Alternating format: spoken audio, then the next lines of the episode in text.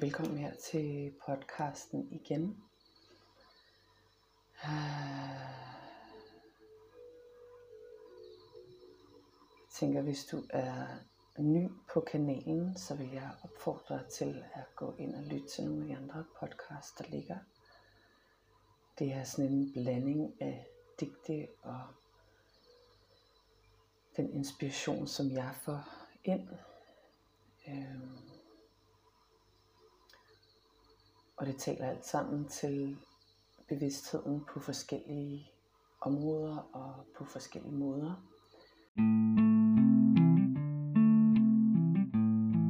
Ja, hvorfor jeg nævner det her med at øh, gå tilbage og lytte til nogle af de podcasts, jeg har lavet, det er fordi, jeg nævner rigtig meget det her med nervesystemet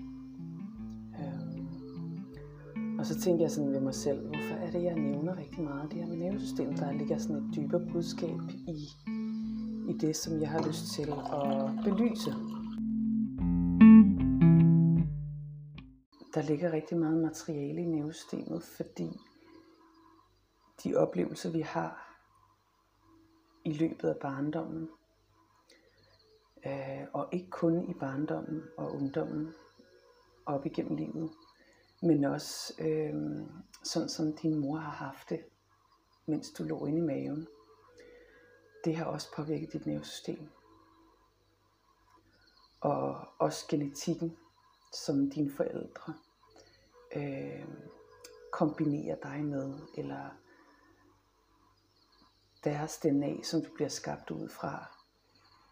Øh, den DNA-stamme, den er også påvirket af, af deres nervesystem og deres forfædre. Så der ligger materiale ikke kun fra dine egne erfaringer og oplevelser i løbet af livet.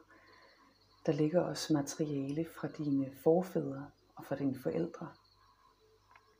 Og det er der, hvor det her nervesystem bliver enormt interessant. Og jeg har så lært, hvad, hvad, hvad det var, der, der lå i mit nervesystem. og jeg har haft en masse oplevelser, hvor at, øhm, at jeg kunne mærke, jeg ligesom blev bevidst om, at jeg kunne mærke, at min krop blev trigget af en situation, eller en bestemt person, eller nogle bestemte følelser, jeg kom i kontakt med.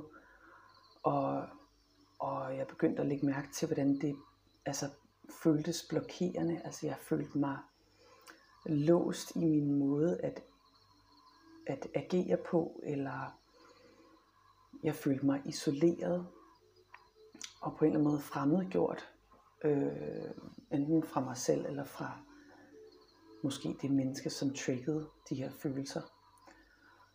Og det gjorde, at jeg begyndte at se på, der har jeg lavet rigtig meget skygge, det, det man kalder skyggearbejde.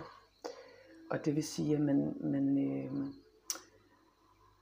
ligesom i stedet for bare at have nogle automatiske reaktioner og en automatisk adfærd på omverdenen, som så lige pludselig begynder at lægge mærke til, øh, hvorfor man agerer, som man gør. Og, og netop hvorfor man oplever de her stagnerede handlinger eller følelser. Øh, ja. Og hvad hedder det, når man begynder at finde ud af det, jamen så ser man, hov, det er, det er, jeg er betinget af det, som mit nervesystem har oplevet. Og, og man siger også, at traumer øh, i mere eller mindre grad ligger sig i nervesystemet.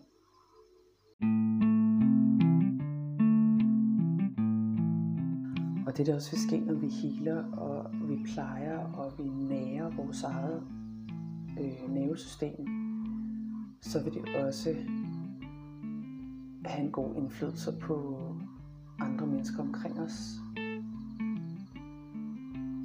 Det vil altid være sådan, at når du gør noget godt for dig, og bringer kærlig opmærksomhed til dig selv og din egen kerne, jamen så vil det også have, have positiv indflydelse på dem omkring dig. Så vi skal passe på vores nervesystem. Vi skal tage os godt af det og, og bringe det ro og give det tid til at tale. Øhm, det er for eksempel også derfor, at når vi oplever angst, og at vores krop reagerer, uden vi selv kan styre det, jamen det er et tegn på undertrykte følelser, som dit nervesystem ikke har fået lov til at reagere, at afreagere på, øh, at reagere på, og for at kunne bringe sig selv i en, øh, i en harmonisk tilstand. Vi ser også, at øh, dyr, når de har været i kamp, eller når de har skulle flygte, jamen så ryster, ryster de. Og det er en måde at ryste traumet af. Det kan de ikke have med sig, når de skal ud på, på savannen eller ud i skoven igen og, og være klar til næste eventuelt jagt eller at blive jagtet. Øhm, så de ryster traumet ud og af kroppen, for, øh, for det, er, det er en måde at stabilisere sig selv på igen. Octopus. Like the octopus.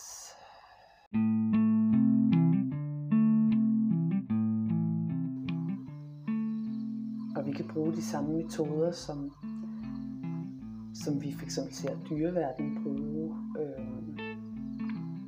og der er mange ting, vi kan gøre for at nære og stabilisere vores nervesystem.